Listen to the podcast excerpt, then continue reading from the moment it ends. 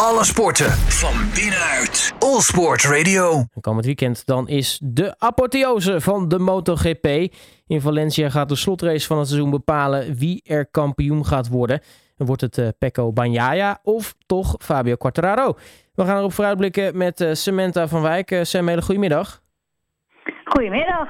Ja, het wordt een ongetwijfeld een spektakel komend weekend. Want nou, hoe vaak maken we het nog mee dat in de laatste race van het seizoen een wereldkampioenschap beslist wordt? Nou, de laatste keer was 2015. Dat was toen uh, Jorge Lorenzo in strijd ging met Valentino Rossi. Ja, dan zie je al hoe lang dat geleden is.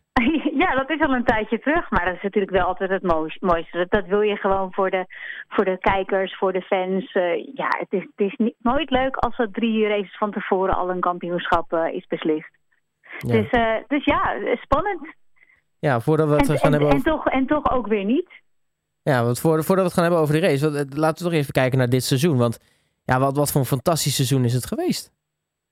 Ja, het is wel een heel mooi seizoen geweest. En eigenlijk continue strijd met Pecco Bagnaia en Fabio Quartararo. Uh, Quartararo is natuurlijk hè, de huidige kampioen. Hij heeft de titel te verdedigen. Um, in het begin um, ja, ging, ging hij weer wat beter. Toen ging Bagnaia weer wat beter. Op een gegeven moment heeft Bagnaia gewoon een 100 punten achterstand weer goed weten te maken. Hij staat nu met uh, 258 punten, 23 punten voor op Fabio Quartararo. Ja, dat, dat, betekent eigenlijk dat er voor Quartararo niks te verliezen is. Hij moet deze race gewoon winnen. En dan moet Bagnaia zeg maar vijftiende worden of, of lager. Wil hij überhaupt kans maken om die titel te pakken? Dus ja, en voor Bagnaia is het anders. Ik denk dat hij wat meer uh, de zenuwen zal voelen. Want ja, hij moet gewoon absoluut niet crashen deze race. En dat is natuurlijk wel al uh, ja, vijf keer eerder gebeurd uh, dit seizoen. Ja, maar... Dus ja, ja dus, dus kan dat hij is zijn zenuwen onder bedwang houden? Dat is de grote vraag. Um, wat sowieso, ja, dat, dat, dat maakt misschien ook de motorsport wat, wat mooier dan, dan de autosport. Uh, een valpartij, of in ieder geval crash, zit in zo'n ontzettend klein hoekje. Uh, zeg maar, ja. het is maar niet even gezegd dat iemand de race uitrijdt, laat staan de race wint. Ja, nee, er kan echt nog van alles gebeuren. En uh, ja, weet je, mentaal speelt natuurlijk ook een heel groot, uh, ja, speelt heel erg mee. Hoe, hoe, sta je, hoe gaat het in het kopje allemaal? Ja, is, is Quartararo zijn uitgangspositie wat lekkerder? Misschien in die zin dat hij weet, hij heeft eigenlijk niks te verliezen. Hij moet 100% ja. geven. En, en dan, dan, ja, als hij het niet haalt, haalt hij het niet. En als nee, hij het wel inderdaad. haalt, is hij gewoon... Hij is natuurlijk al kampioen, dat scheelt. Net in de vrije training uh, heeft hij P1 ingezet, Banjaya P17. En denk je, ja, als dit de uitslag zou zijn, dan zou Quartararo gewoon weer kampioen zijn. Maar goed, dat is een eerste vrije training, dat zegt natuurlijk nog helemaal niet. Maar voor Quartararo is het simpel. Hij moet winnen, uh, anders heeft hij überhaupt geen kans op de titel. Nou, laten we eerlijk zijn, dit is natuurlijk wel even een, een, een lekkere steek die die Quartararo kan, kan, kan uitdelen in het vertrouwen van, van Banjaya natuurlijk. Ja, het gaat er goed met de eerste vrije training. Dus ik, uh, ja, ik, ik hoop op een spannend gevecht uh, en een mooie race. En, en voor de derde plek hebben we natuurlijk, uh, hebben we natuurlijk ook nog een, een gevecht gaande met Alais Espargaro en Enea Bastianini. Die verschillen echt maar één punt. Dus dat is ook mooi om in de gaten te houden, dat gevecht. Ja, dat is ook wel interessant om te zien. Hè? Want eigenlijk als je kijkt naar de, de rijders, hè, Quartararo en, en Espargaro waren nou ja, in de eerste helft van het seizoen fantastisch. Uh, ja. en, en die zijn misschien een, een, ja, een beetje wat, wat teruggevallen na de, na de zomerstop. En, en die ja. andere jongens, die zijn juist na de zomerstop ontzettend gaan, gaan klimmen. Met Enea Bastianini en Banjai, die trouwens in Maleisië ja. een fantastische race met elkaar uitvochten. Dus het lijkt erop alsof zeg maar de, het momentum toch voor Banjaya en voor Bastianini is. Ja, nee, daar ben ik het, ben ik het wel mee eens. Um, maar ja, vlak Cateraro niet uit, hè? die, die gaat het goed doen hoor in Valencia. Daar heb ik echt wel, uh, echt wel vertrouwen in. Het moet gewoon een mooi spektakel worden. Nou, want als we het hebben over het circuit, hè, het circuit Ricardo Tormo, wat, wat, voor een circuit is dat? En, en, en nou ja, hoe verhoudt zich dat tot, uh, tot de beide rijders?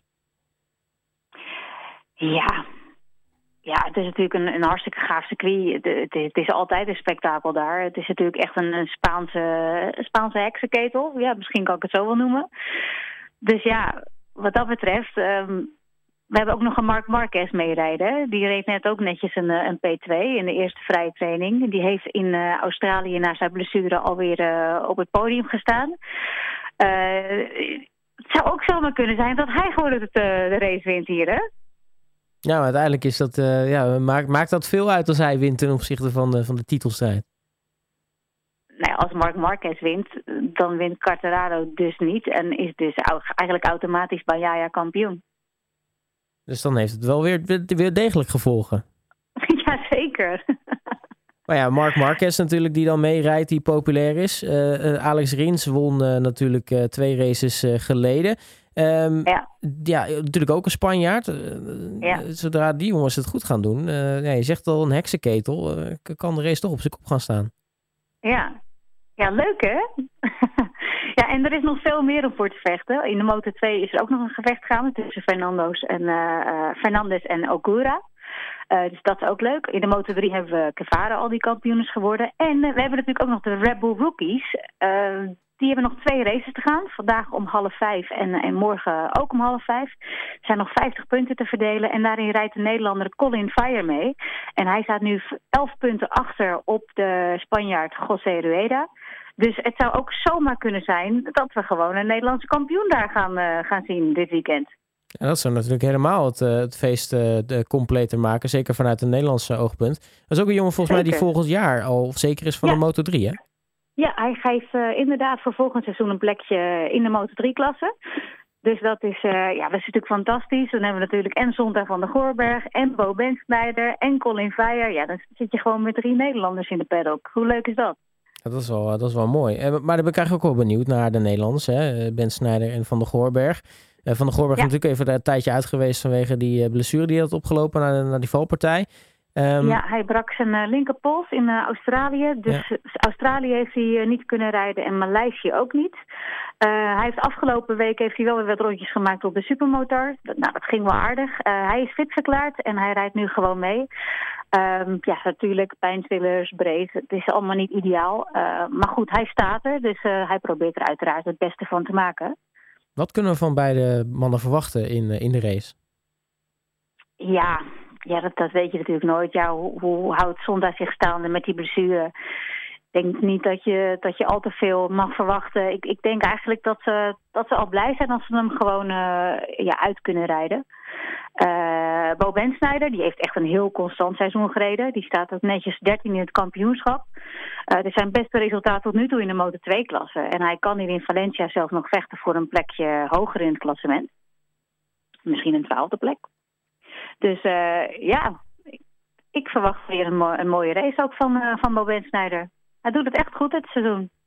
Ja, we kunnen kortom uh, ontzettende spektakel uh, verwachten komend weekend. Eigenlijk moet iedereen moet gewoon naar de Moto, MotoGP, het MotoGP-circus gaan kijken komend weekend in, in Valencia. maar tot slot ben ik eigenlijk wel benieuwd naar jouw voorspelling dan, Samantha. Want wie gaat dan uiteindelijk de titel pakken in, nou, laten we zeggen, de MotoGP en de Moto2? Gewoon puur op verstand zou ik zeggen dat Pecco Benjaya gewoon normaal de race uitrijdt en rustig blijft en dan wint hij de titel. Um, maar ik zou het ook wel weer mooi vinden als Fabio Casararo het gewoon flikt om te winnen. En dat, dat Pecco zo zenuwachtig is dat hij een fout maakt. En ja, ik denk Pecco Benjaya. En in de Moto 2, wat verwacht jij? Wordt het uh, Fernandes of Ogura? Oh, dat vind ik een lastige. Uh, ik denk Fernandes. Nou, dan schrijven die met heel licht potlood op dan in dit geval. En in de, in de, en in de Rebel Rookies Colin Fire. Dat zou helemaal mooi zijn. Dat, maar is toch een beetje chauvinistisch, hè? Precies, eigenlijk moet er dan een beetje daarvoor zijn, hè? Vind ik wel. Nou, top. Nee, dan uh, hebben we de voorspellingen compleet. Uh, wij gaan volgens en mij... wat denk jij dan, Robert? Oeh, ja, nou ja, oeh, nou, eh, als je hem vraagt, kan je hem terugverwachten inderdaad. Nou, ik, ik, denk, ik denk wel dat, dat, dat Banjaya het wordt. Ook omdat hij natuurlijk het momentum mee heeft ten opzichte van Quartararo. Die de laatste races toch er wat minder uitzag.